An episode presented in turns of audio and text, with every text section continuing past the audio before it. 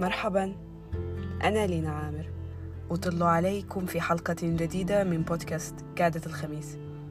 هل تسمح لي يا صديقي بأن أصطحبك في رحلة سريعة إلى الماضي؟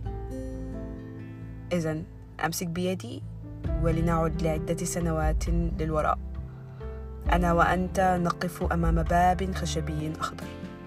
نطرق عليه. فيفتح لنا.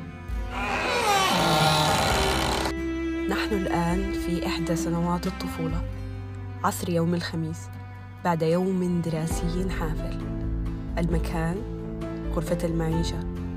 أنت تجلس على كرسيك البلاستيكي الصغير تتابع بشغف كرتونك المفضل. غارقا فيه ومتجاهلا صوت وقع أقدام أفراد البيت. تنهض بحماس لتزامن نداء والدتك للغداء مع انتهاء مسلسلك. هنا كانت أعذب لحظات العمر. بفطرة سليمة لم يشبها الخوف أو القلق. تعيش اللحظة ولا تكترس للغد. تقدر أبسط النعم عندك. فتركض حاملا الخبز التي وقعت سهوا منك لتقبلها اعتذارا لله. وتغمرك السعادة بأصغر التفاصيل. فتقفز فرحا عند سماعك لصافرة عربة بائع الآيس كريم المتجول. تجيد الاستماع.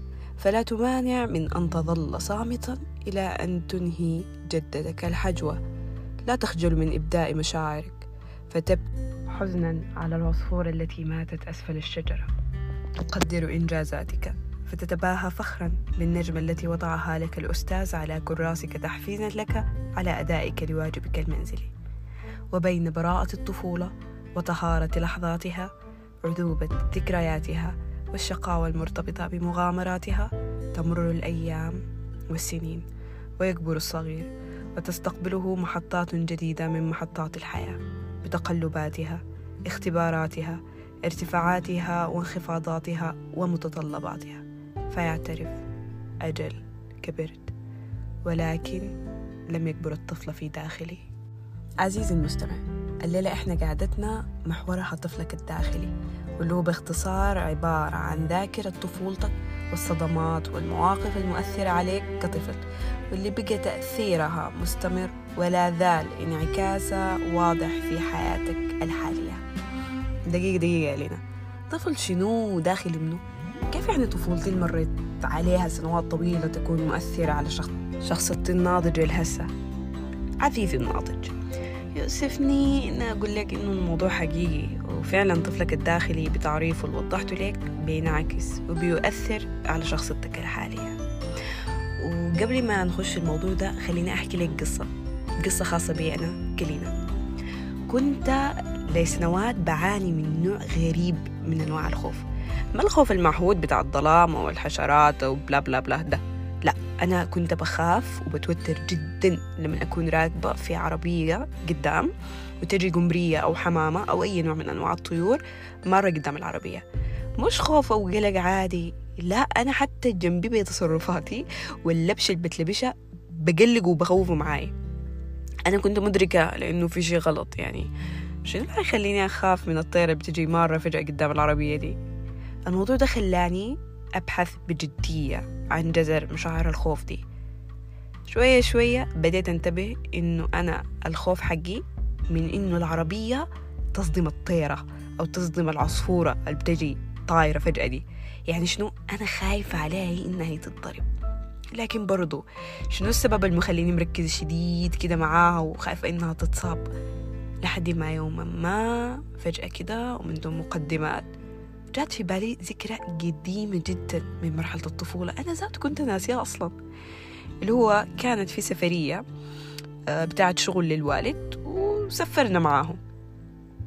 فالطريق حق السفر والعربية متحركة بسرعة وأنا قاعدة كده ومركزة مع الطريق فجأة جات طيارة مرة واتصدمت بالقزاز بتاع العربية.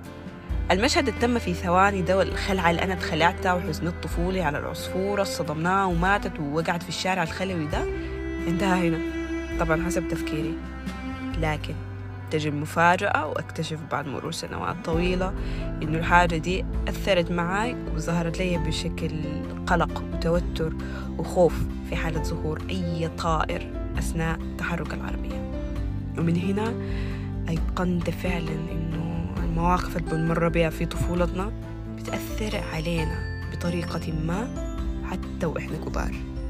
الطفل الداخلي ممكن يكون مصدر للقوة والإلهام وممكن برضو يكون مصدر للصعوبات والتحديات العاطفية والنفسية.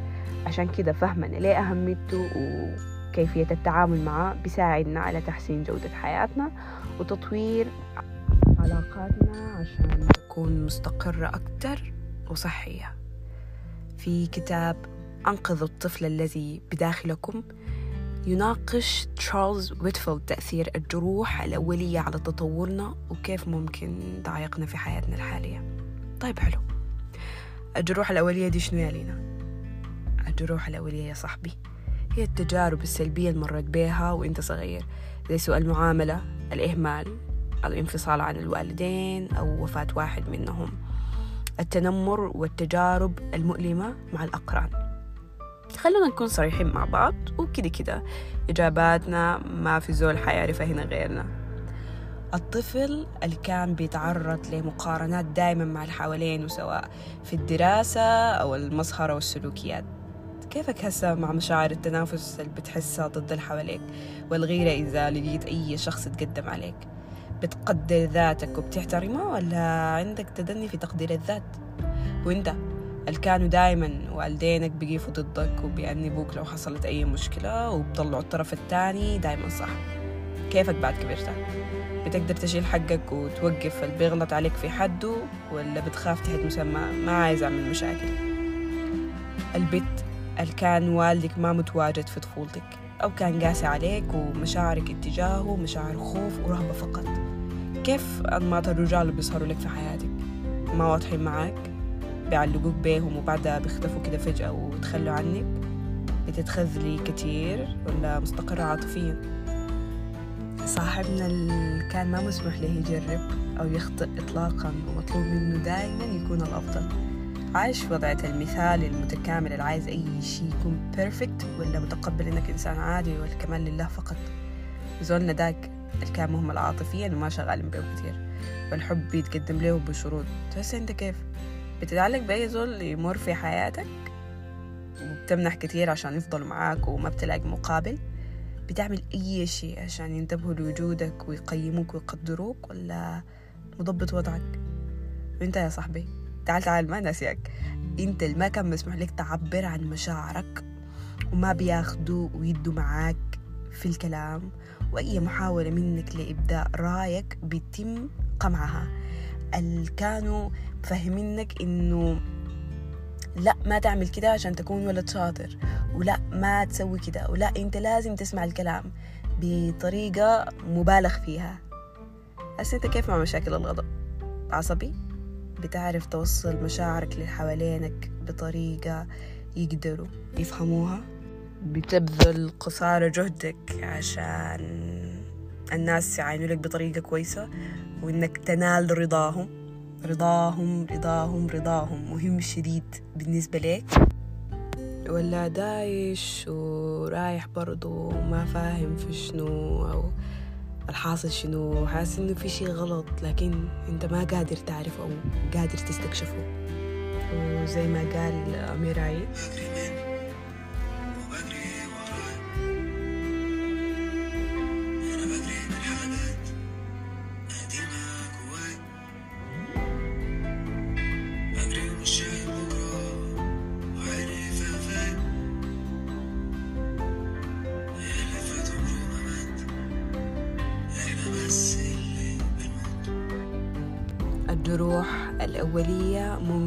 تسبب تأثيرات طويلة الأمد على صحتنا النفسية والعاطفية.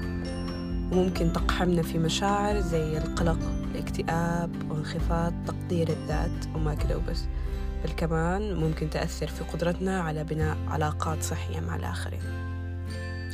ويتفيلد بيشجع القراء عشان يتغلبوا على تأثير الجروح الأولية دي عن طريق استكشاف الذكريات والتجارب المؤلمة ومواجهتها. عشان نقدر نشاف طفلنا الداخلي. بس أول حاجة عايزاك تفهمها إنه إحنا هنا ما عشان نغضب ونلوم والدينا أو مربيينا أو الناس الأكبر مننا اللي كانوا سبب في الحاجات اللي مرينا بيها دي. لأنه مبدئيا كده أغلبهم ده كان أفضل ما عندهم عشان يقدموه لك. وما كانت النية إطلاقا إيذائك بنسبة كبيرة جدا دي نفس الطريقة اللي ربوهم بها إحنا هنا في مساحة آمنة خاصة بينا حنحاول فيها نتواصل مع طفلنا الداخلي ونحاول إنقاذ أو إصلاح ما يمكن إنقاذه وإصلاحه لأنه في الحلقة الأخيرة إحنا برانا فقط المسؤولين من نفسنا وتعافيها وإنه نكون نسخ أفضل من نفسنا اتفقنا يا صاحبي؟ اتفقنا طيب عارف أول خطوة حنبدأها شنو؟ إننا نتعرف على جروحنا العاطفية والنفسية. وعشان نقدر نحدد جروحنا دي محتاجين ننتبه لتفاعلاتنا وعلاقاتنا الحالية وكيف بتتداخل مع مشاعرنا وردود أفعالنا. عشان الجروح ممكن تظهر لنا على هيئة مشاعر غضب خوف اكتئاب قلق أو ضعف تقدير ذات زي ما قلنا. كثيرين بيعيشوا مع جروحهم وبيتصرفوا مع الآخرين وفقا عليها. من دون ما يكونوا للأسف مدركين للحاجة دي. بيمشوا طرق معينة بناء عليها. وبيجذبوا علاقات وبيختاروا شركاء حياة محددين. وهم عارفين إنه اختياراتهم وتصرفاتهم دي نابعة من جروح عميقة أو محاولة حماية نفسهم منها. وليس حقيقة ذواتهم. ليس بوربو صاحبة كتاب اشفي جراحك واعثر على ذاتك الحقيقية اتطرقت لبعض المشاكل اللي بيواجهها الإنسان وربطتها بخمسة جروح كبرى. الرفض التخلي الإذلال الظلم الخيانة. الكاتبة بتشرح إنه الرغبة في إخفاء الجروح دي عن الذات أو عن الآخرين بتخلي كل واحد مننا بيلبس قناع حسب جرحه الخاص. مثلا الشخص اللي بيعاني من جرح الرفض بيلبس القناع بتاع الإنسان الهارب واللي بيعاني من جرح التخلي بيلبس قناع المتعلق بالآخرين بشكل مرضي واللي بيعاني من جرح الإذلال بيرتدي قناع المازوخي اللي هو الشخص اللي بيحب الألم ومتقبله جدا وعلى قلبه زي العسل. واللي بيعاني من جرح الخيانة بيلبس القناع بتاع الشخص المتحكم. أما الشخص اللي عانى من جرح الظلم فدايما بيلبس القناع بتاع الصلابة البرود. الدنيا ما في كلا أنا ما شغال بشي ما عندي شي للناس ما بحس أصلا. الكاتبة بتقول لنا إنه الأقنعة اللي بتتلبس دي بتبقى حاجة ضرورية. ليه؟ عشان الشخص المتعرض للجرح ده عايز يحمي نفسه من إنه يجي أي زول تاني يخد يده على الجرح. الحكاية دي عاملة زي إنه يكون عندك جرحة قديمة في يدك. فأنت بدل ما إنك تنظفها وتعالجها تقوم تعمل حركة تانية. تهملها تهمل الجرحة دي. ولأنك خايف إنها هي تكون ظاهرة للناس فتفضل إنك أنت شنو؟ تلبس قفاز. ليه؟ القفاز هنا بيعادل القناع اللي أنت حاجة أنت لابسها عشان تدس المشكلة بتاعتك أو الجرح حقك ده. فهو بيلبس قفاز عشان شنو؟ الجرح حقته دي ما تظهر. هل إننا نخبي جروحنا ده حيخلي الألم بتاعنا يجيف؟ لا. طيب خليني أشرح لك بطريقة أوسع شوية عشان نستوعب الموضوع أكتر. وعشان كمان تفهم إنه كيف الجروح بتاعت الطفولة دي ممكن تسبب لك مشاكل في حياتك ومشاكل في علاقاتك مع الناس اللي حوالينك. الكاتبة بتقول لنا القفاز ده ممكن يخبي الجرح الموجودة في يدك لكن ما بيحميها. في كل مرة بيجي شخص بيلمس يدك أنت هتحس بالألم لأنه لمس موضع الجرح. يعني ممكن يجي زول يلمس يدك لأنه بحبك مثلا. فأنت بالمقابل ما بتحس إلا بالمشاعر بتاعة الألم لأنه يدك دي فيها جرحة بجوا وأنت مغطيها بالقفاز حقك ده. الشخص اللي اقترب منك وسلم عليك في يدك ده هو بيحبك جدا. هل نيته انه يأذيك؟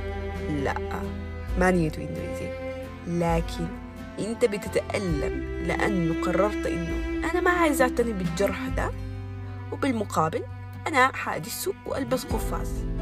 فعشان كده أنت المسؤول هنا عن ألمك من الناس اللي حواليك. خلونا نتعمق شوية أكتر في الموضوع عشان نفهم طبيعة الجروح دي وكيف هي بتأثر على الإنسان وتصرفاته وردود أفعاله وعلاقاته مع الآخرين. نمسك جرح الرفض مثلا. الجرح ده بيرافق الإنسان من هو طفل ولحد ما يكبر وبيتحكم في سلوكياته وتصرفاته مع الآخرين ومشاعره تجاههم. بيعيش طول حياته وحاسي إنه هو مرفوض وما مرغوب في وجوده. هنا الشخص بيحس إنه مرفوض في ذاته وفي حقه في الوجود. تخيل الشعور ده سيء كيف إنه أنت تحس نفسك إنك أنت ما مرغوب؟ وجودك ما مرغوب. الناس دي ما دايرك حواليها. فلان الفلاني ده ما دايرك جنبه. المجموعة دي ما عايزك تكون معاها. فهو شعور يعني مؤلم وصعب وبخلي الإنسان يحس بالشفقة على نفسه. الشعور ده ممكن يجينا من الطفولة كيف؟ إنه وإحنا أطفال نحس إنه أهلنا ما راغبين فينا. مثلا الطفل اللي بتولد في أسرة ما كانت راغبة إنه مثلا يكون في طفل أو الطفل ده بالذات إنه يجي.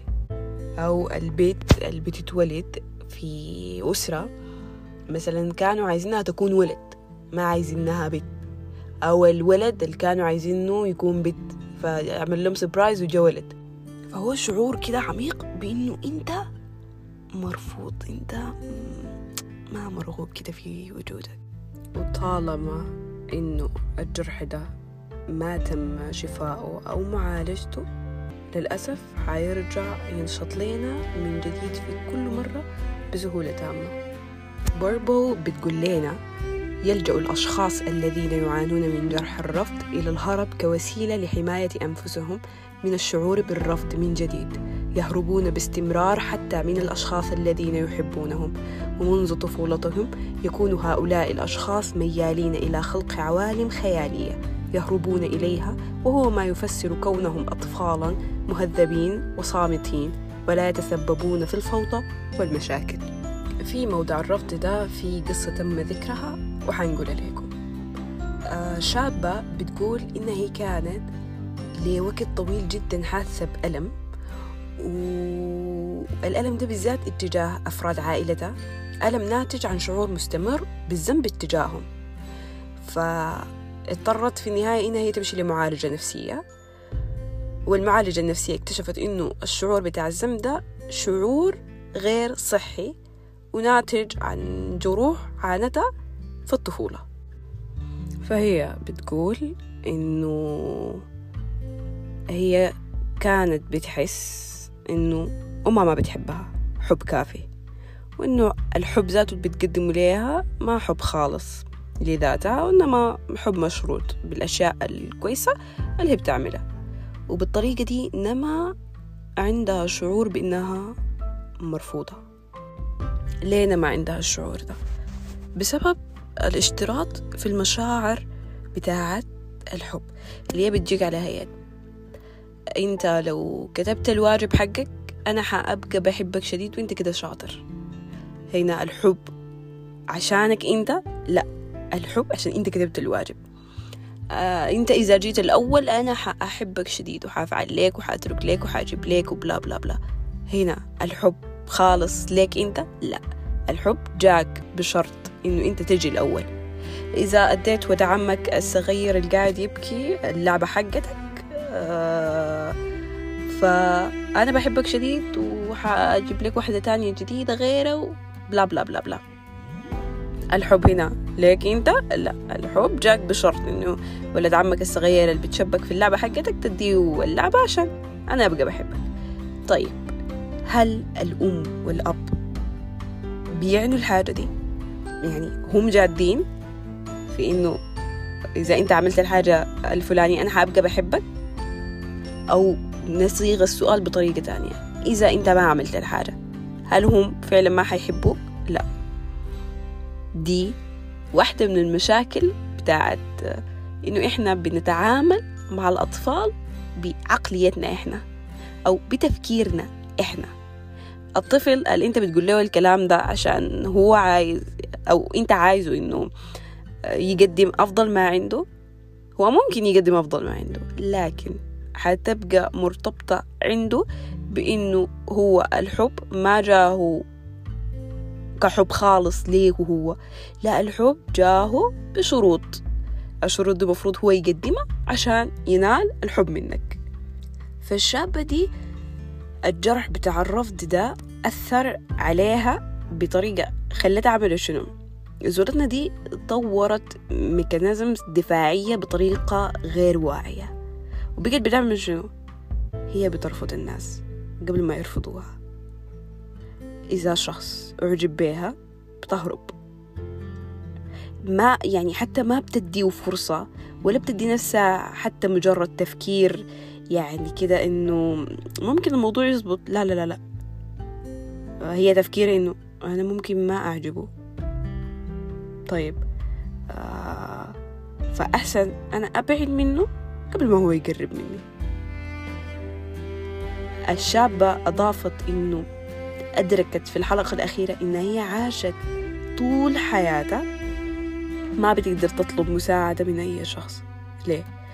لأنه الجرح بتاع الرفض ده وصل لها فكرة إنه المساعدة لو ما جات من الشخص اللي قدامها من غير ما هي تطلب منه فده معناه شنو؟ إنه ما عايز يساعد أصلا. معناها الزول ده ما بحبها. متخيل معاي الموضوع يعني معقد كيف؟ الزول حتى بيخاف إنه يطلب المساعدة من غيره والزول اللي بيخاف إنه يتخلوا عنه ويتم رفضه فبيقوم بالمقابل بيدافع عن نفسه بإنه شنو؟ انه يهرب. آه ما يدي القدام أصلا فرصة إنه يوضح له ويعبر له عن مشاعره. الحاجات كلها جذرها مواقف. ممكن نكون شايفينها أبسط من بسيطة. مرينا بها في الطفولة. حاجة فعلا بسيطة شديد. أنت أسك زول كبير ممكن تكون شايف انها حاجة تافهة جدا ولا تسوى أصلا. لكن لا هي بتأثر معاك حتى أنت لما تكبر. بطريقة من شدة عمقها أنت ما بتكون قادر تستوعبها. معقولة أنا بفكر بالطريقة دي وردات فعلي؟ بالصورة دي بسبب الموقف الزمان كان حصل لي من أمي ولا حصل لي من أبوي ولا من أخوي ده. خلينا أدخل لك في الجرح الثاني وده حقيقي من أعمق الجروح اللي هو جرح الهجر. وهنا الهجر مش بالمعنى الحرفي إنه تخلوا عنك لا هي المشاعر اللي بتتكون عند الطفل لما أهله يكونوا مشغولين عنه بوظائفهم مثلا. أو بال baby الجديد اللي انضم للأسرة ماخد كل الاهتمام والتركيز. وانت خلاص ما في أي attention ليك وما في شغل بيك الشغلة أو لما الطفل يتساب بعيد عن أمه وأبوه مع مربيات مثلا أو مع حبوبته أمه وأبوه مشغولين تقوموا وخلوه مع زول تاني يربيه أو يخلي باله منه لحد ما هم يرجعوا. أو واحد من الأبوين يتوفاه الله. أو حتى كموقف صغير إنه اللحظة الجيت جاري فيها وإنت مبسوط ومتحمس عايز تمسك يد أبوك. فسحب يده منك وصدك طبعا أنت ممكن تكون شايف الموضوع ده عادي وأقل من عادي وممكن تكون ما متذكره أصلا. يحليلك عارف ليه يحليلك؟ لأنه الجرح ده بالذات بيأثر عندك في العلاقات مع اللي حوالينك. كيف؟ أوكي خليني أشرح لك. الأشخاص اللي عانوا من جرح الحجر بيلجأوا في أغلب الأحيان إنه يرتدوا قناع لتفادي رؤية جروحهم. عارف بيقول لنا يا نوع المتعلقين. الناس اللي بتتعلق بغيرها واللي بتكون معتمدة على غيرها بشكل مرضي خاصة في العلاقات العاطفية. يعني لو في شخص حباك بتمنح نفسك كلها كأنه متفضل عليك. وبتتعلق بسهولة شديدة سهولة مبالغ فيها. القدامك ده بيبقى نفسك مدمن عليه.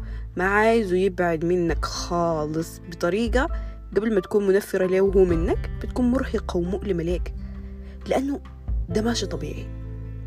إنك تكون متعلق بالشخص الشديد ماشي طبيعي. وأي شيء أنت ما بتكون متوازن فيه بيبوظ وبيبوظ حياتك. معاهم. جرح الهجر مش بيقف لك في النقطة بتاعت إنه أنت بتتعلق بالناس وكده وبس. لا لا. ده كمان بيخليك تخاف تدخل في علاقات أو تتعرف على ناس جديدة. ليه؟ عشان أنت خايف كده من جواك إنه يتخلوا عنك ويسيبوك. كمان لو أنت في علاقة مؤذية وبتخصم منك أكتر مما بتضيف لك يعني ما بتكون عايز تنهيها أو تتخلص منها مع إنه ما هو ظاهر واضح يعني إنها مرهقة لك لكن لا حاشا وكلا. انت ما عندك الشجاعة على الانفصال وما عايز تسيبه وترخي يدك من الشي اللي بياخد منك ده. فبتضحي وبتستحمل على حساب نفسك. انت هنا؟ لا استنى لسه لسه جايك الكبير. انت برضو ممكن تكون حساس جدا اتجاه النقد هتقول لي يا لينا؟ لينا طبيعي إحنا ما نكون بنحب ينتقدونا واللي بيقول غير كده كذاب.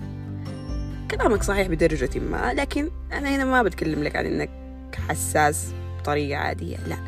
حساس شديد حساس ليفل الوحش. ولو في كلمة بتعبر أكتر من كده استعين بها في الوصف. ليه؟ نرجع لجذر الإحساس ده اللي هو الحساسية من النقد. لأنك خايف ومرتاب إنه النقد ده ما هو إلا بداية لشيء أصعب واللي هو رفضك.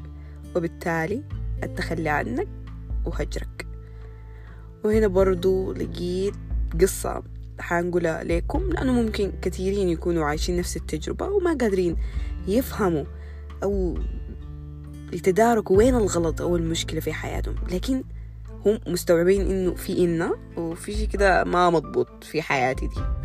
شابة بتحكي إنها هي قامت في وسط عائلة محبة ومكافحة وقدرت إنها تنجح في تحقيق أحلامها وتزوجت الشخص اللي عايزاه وكله تمام خارجيا لكن من جوا حاسة إنها هي دايما وحيدة وإنه اللي حوالينا أصحابها أهلها بلا بلا الناس كده كلهم بيتخلوا عنها باستمرار. يعني أقرب الناس ليها ممكن يتخلوا عنها مع أنها هي ما عندها أي شك في حبهم ليها.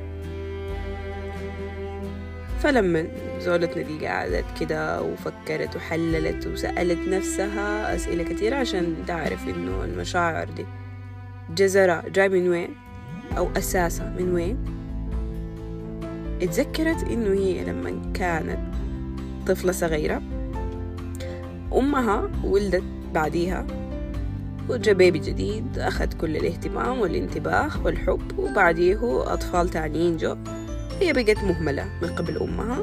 أمها منشغلة بمسؤوليات الكثيرة ومركزة مع الأطفال الأصغر منها. بالتالي هي بقى في شعور جواها إنه هي طفلة متخلى عنها خلوها يعني. هل هي شايفة إنه أمها ما عايزاها؟ لا. لكن هي بقت حاسة إنه أمها ما حاضرة في حياتها. ما متواجدة في حياتها ما بتلقاها في اللحظة اللي بتكون عايزاها فيها. طيب بالتالي شنو اللي حصل؟ اللي حصل إنه بنتنا دي كبرت وتحولت لشخص معتمد عاطفيا على الآخرين. وأبسط وأقل الحاجات بقت قادرة إنها تسبب لها ألم وتخليها تعيش الإحساس بتاع الهجر ده كل مرة. يعني حاجات بسيطة. تفاصيل بسيطة بتتكلم مع زول في التليفون يحتذر منها دخلت لي مكالمة تانية ولا في حاجة ماشية أعملها وكده وبتاع قفل منها. الموضوع عادي صح؟ لا هي بتتضايق شديد. بتحس إنه الزول ده ليه مش خلاها إنه هي سهل إنها يخلوها. الناس دي ما بتحبها. لشنو قاعدة في مطعم مع زول حصل أي ظرف اضطر إنه هو يمشي يخليها. لا في حاجة. الناس دي عندها سهولة في إنها بتتخلى عني وقادرين باستمرار إنهم يتخلوا عني. كده. هنا نرجع للمثال ذكرته لنا الكاتبة في البداية. الفكرة بتاعت القفاز والجرح التحته اللي هو قالت لنا شنو؟ قالت لنا أنت في جرح في يدك أنت ما منظفه الجرح ده مفتوح وأنت لابس قفاز عشان تدسه. لما يجي زول يسلم عليك وهو بحبك جدا. أنت بتحس بألم. هل هو نيته إنه يخليك تحس بالألم؟ لا. هو ما عايزك تحس بالألم. لكن لأنه أنت عندك جرح غير متشافي. عشان كده ردة فعلك اتجاه الزول ده بتكون إحساس بتاع ألم. تمام؟ يعني هسه صاحبتنا دي إنه الزول اللي بيتكلم معاه في التليفون ده ما بيكرهها ولا عايز يأذيها ولا عايزة تحس بشعور سيء. هو بس حصلت حاجة فاضطر إنه هو يقفل التليفون عشان يشوف الحاجة بتاعته دي. فهي بالمقابل بتحس شنو؟ هو حيتخلى عنها إنه هو ما بيحبها وإنه آه سهل جدا إنه يتم التخلي عنها وهكذا. فبتبقى المشكلة ما في الناس الناس ما عايزة تأذيك ولا عايزة تضرك. المشكلة موجودة جواك أنت وأنت المفروض تبدأ تفتش لحل ليها. طبعا علم النفس لم يغفل عن مسألة تأثير الطفولة على حياة الإنسان اللاحقة. عشان كده المحللين النفسيين اشتغلوا كتير في بداية القرن العشرين على العلاقة بين الاهتمام والرعاية اللي لازم يحظى بها الأطفال خلال طفولتهم والاختلالات العاطفية والاجتماعية اللي بيتعرضوا ليها لاحقا في حياتهم. فطلعوا لنا بنظرية اسمها attachment theory أو نظرية التعلق والنظرية دي بتشرح باختصار تأثير علاقة الطفل بأبويه على نموه العاطفي والاجتماعي ليه؟ باعتبار إنه الآباء ديل هم بيكونوا المركز بتاع عالم أبنائهم الاجتماعي في السياق ده الطبيب النفسي هاري هارلو عمل مجموعة بتاعة تجارب مثيرة لل... لل... للجدل وتم وصفها إنها قاسية. لكن التجارب بتاعته دي يعني وضحت لنا تأثير انفصال الأطفال عن أمهاتهم ووضح لنا بيها المدى بتاع أهمية الرعاية والشعور بالدفء والأمان في السنوات الأولى من الطفولة. لخص لنا التجربة بتاعته دي بجملة لا يعيش الإنسان بالحليب وحده لأن الحب عاطفة لا تمنحها زجاجة حليب مجردة من العواطف تشارلز ويتفيل بيقول لنا إنه إحنا بعد ما نتعرف على جروحنا ونحدد مكانها الخطوة الثانية شنو؟ إنه نتبع الجروح دي للأحداث بتاعت الطفولة واللي هي دي رحلة رحلة البحث في الداخل عن أصل وجذر المشكلة ونقطة بدايتها زي قصتي ذكرتها لك في البداية وإنه بعد أسئلة وتفكير عميق قدرت أوصل لسبب خوفي من الطيور اللي بتجي مرة قدام العربية. الخطوة الثالثة. الخطوة الثالثة هنا إننا نكتشف العلاقة بين الجروح وأحداث الطفولة. بمجرد تحديد الأحداث المحتملة اللي أدت للجروح العاطفية والنفسية ممكن نكتشف كيف التجارب دي بتتداخل في حياتنا الحالية. يعني مثلا أنت كشخص بتتعلق بالناس بطريقة مبالغ فيها. هنا يا دوب حتكتشف إنه تجربة الإهمال اللي تعرضت لها وأنت طفل أثرت على حياتك الهسة وتصرفاتك. بمجرد ما إننا قمنا بالثلاثة خطوات الأولى اللي هي التعرف على الجروح وتتبعنا ليها لحد أحداث الطفولة بعدها نكتشف إنها بتأثر على حياتنا بأي طريقة وظاهرة لنا بأي اعتقاد وخوف وأي تصرف غلط. هنا ممكن نبدأ رحلة التشافي أول نصيحة حقول لك في رحلتك دي هي إياك والاستعجال. إياك استعجال التشافي طبعا إحنا جيل بنموت في الاستعجال. عايزين أي حاجة نتحصل عليها سريع سريع ونتجاوزها. ما بنمنع حتى نفسنا يعني الوقت الكافي عشان أي شيء يتم بصورة كويسة.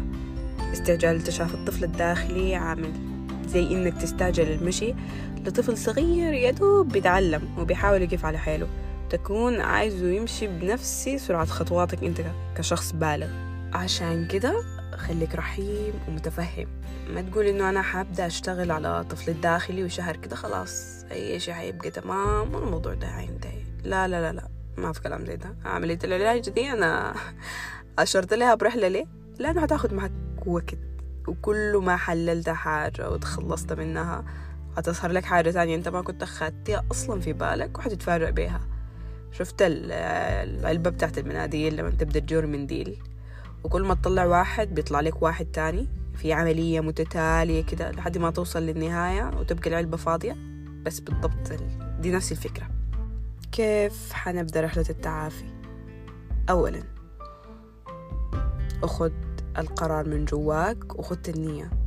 إنه أنت حتبدأ الرحلة دي وفي سبيل السلام الداخلي أنت مستعد تواجه كل المشاعر اللي أثرت عليك بطريقة ما وخلتك تتبنى أفكار ومعتقدات وتصرفات أذتك وأنت كبير. وجذبت لك علاقات سيئة ومستنزفة وخلت تقديرك لذاتك متدني وضعيف. ودائما حاسة إنه في شي غلط. المشاعر اللي هربت منها وعملت أي شي عشان ما تحس بيها تاني وتحمي نفسك منها. أنت حتواجهها بعد ده خلاص ما في هرب وما حد دس منك ولا يحزن أنا حواجهك. واللي يحصل يحصل. ثانيا الوعي والتقبل لازم تعي بالجروح العاطفية والنفسية وتتقبل إنها عندها تأثير على حياتك. ثالثا البحث عن الدعم سواء عن طريق إنك تتواصل مع معالج نفسي مختص عشان يقدم لك التوجيه اللازم أو تنضم لمجموعة دعم مهتمة بجروح الطفولة والطفل الداخلي أو تتكلم مع صديق عنده تجربة مماثلة لك. وتخير جيدا الشخص اللي انت هتتكلم معاه في موضوع زي ده. رابعا التعبير عن المشاعر. كونك تتعلم تعبر عن مشاعرك بطريقة صحية وآمنة ده حيساعدك في التعامل مع مشاعرك المكبوتة والمؤلمة. خامسا إعادة تقييم النماذج السلوكية والمعتقدات. يعني السلوكيات والمعتقدات اللي اكتسبتها ونشأت عندك كنتيجة للجروح العاطفية والنفسية دي أنت محتاج تقيمها وتشوف السلبي شنو وتستبدل بسلوك معتقد تاني إيجابي وبيخدمك. زي المثال ذكرناه للبنت اللي عندها جرح بتاع رفض إنها كانت شايفة إنه اللي بيحبها مفروض يساعدها من دون ما هي تطلب. ده معتقد سلبي.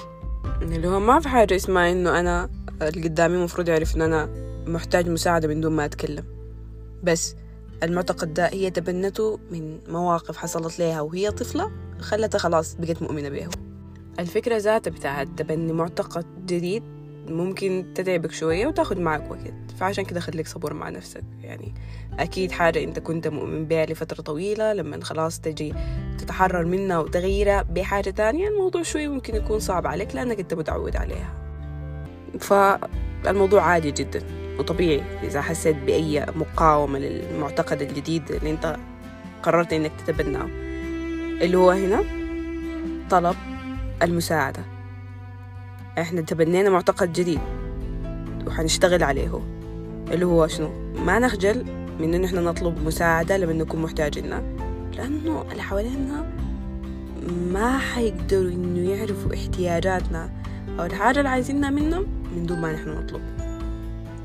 سادسا ممارسة الرعاية الذاتية. إنك تهتم بنفسك وتقدرها من كل النواحي. تاكل أكل صحي ما مضر لك تتريض تتمشى ما تساهر تاخد كفايتك في النوم تتعامل مع نفسك برحمة تعزز جانب العبادات عندك بطريقة تخليك حاسي بسكينة وارتياح. يكون عندك مساحة آمنة مع نفسك خالية من اللوم والجلد والتذنيب والعتاب ممكن تشوف إنه الحياة دي عادية لكن صدقني أثرها حيكون كبير على نفسك. كونك تقدر نفسك وتقيمها وتعمل الحاجة الصح ليها عشان أنت بتحبها وبتحترمها ده شي حتشوف أثره عليك بنفسك. أخيرا التسامح والسماح. عن طريق إننا نسامح نفسنا ونسامح اللي حوالينا ودي من أهم خطوات الشفاء. وصدقني لما توصل المرحلة دي حتلقى كمية كبيرة من الغضب والألم والاستياء والزعل يتلاشى من جواك. طيب يا لينا دي الحاجات اللي أنا مفروض أعملها في رحلة التعافي لكن الطفل المجروح واللي قاعد جواي مديني ظهره وما عايز حتى يتلفت وراه عشان يعاين لي المفروض أعمل شنو عشان أقدر ألفت انتباهه وأتواصل معه؟ عشان يعني نقدر نلقى حلول للحاجات اللي جرحته من زمان دي. سؤال حلو وجميل شديد. في تقنيات أنت ممكن تعملها عشان تقدر تتواصل مع طفلك الداخلي. مثلا التأمل والتفكير الذاتي. التأمل ده عبارة عن مساحة آمنة لك عشان تقدر تستكشف المشاعر المكبوتة جواك وتفهم التأثيرات اللي تكونت جواك من تجارب الطفولة. كمان حيساعدك في زيادة وعيك بالطفل الداخلي والمشاعر والأحاسيس المرتبطة به واليوتيوب منصة مليئة بالكثير من التأملات الخاصة بالطفل الداخلي واللي أنصحك جدا جدا جدا بتجربتها وحتكون يعني تجربة ما حتندم عليها إطلاقا. تاني حاجة كتابة المذكرات والرسائل عن طريق إنك تسمح للطفل اللي جواك يكتب ويعبر ويوضح مشاعره وأحاسيسه لك. شنو الحاجة اللي ضايقته شنو الحاجة اللي حابيك تعمل له شنو الموقف اللي حدي هسه ما قادر يتجاوزه؟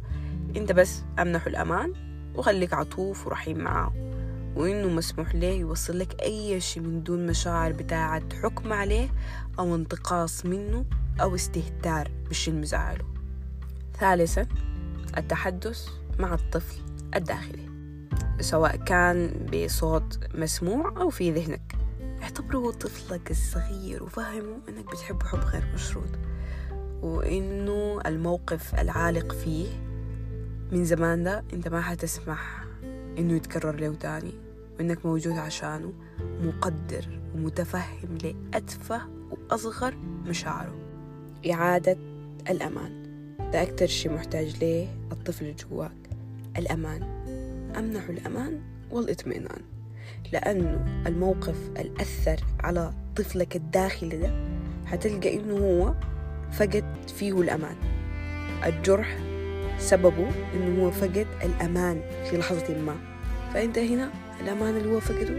أنت حترده له أضعاف مضاعفة. وأخيرا إذا كانت عندك المقدرة تتواصل مع مختص نفسي بخصوص الموضوع ده حيكون شي كويس جدا وحتشوف نتائج ملحوظة في تعاملك مع طفلك الداخلي وتقدم واضح في تشافيك. الرحلة دي طبعا يا صاحبي ممكن تشوفها معقدة وطويلة لكن صدقني أول ما تخد النية على إنك عايز تخوضها الطريق حيسهر لك. اكتشاف الطفل الداخلي والتحرر من الجروح والصدمات والشعور بتاع الخفة وإنه الجراحة اللي فضلت بتألمك لسنين. أنت أخيرا نظفتها وعقمتها وخلاص الألم المصاحب لها حيزول. بيستحق جدا إنك تبدأ تشتغل على طفلك الداخلي. ما كده وبس.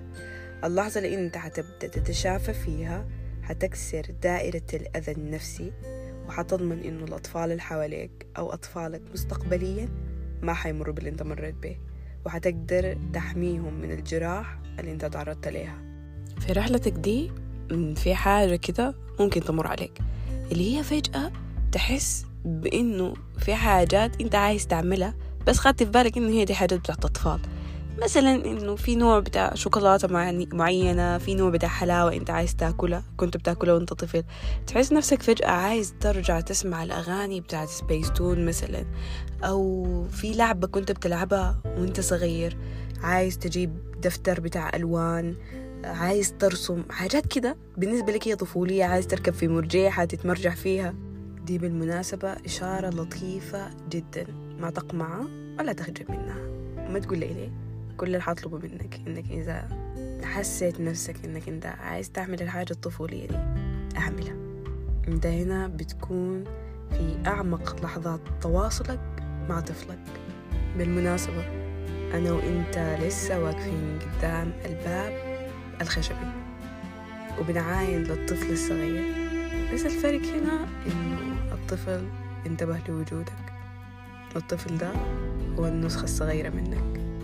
طبعا هو سعيد جدا إنك أنت انتبهت له وانتبهت لوجوده. اتأمله.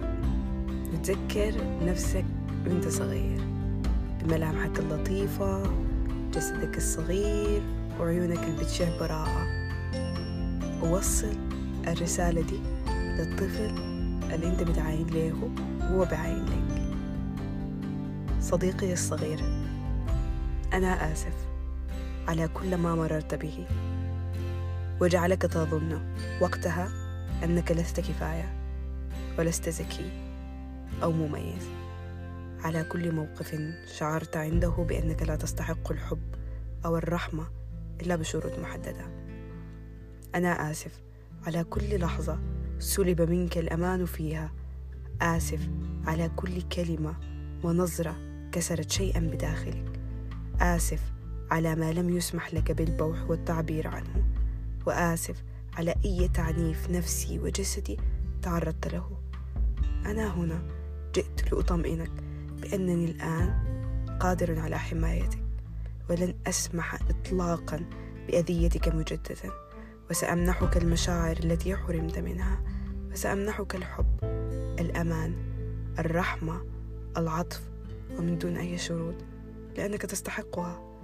أرجوك سامحني وتذكر دوما أنني أحبك. وهنا نهاية حلقتنا. نلتقي قريبا بإذن الله في حلقة جديدة. ونهاية أسبوع سعيدة عليكم جميعا. إلى اللقاء. وفي أمان الله.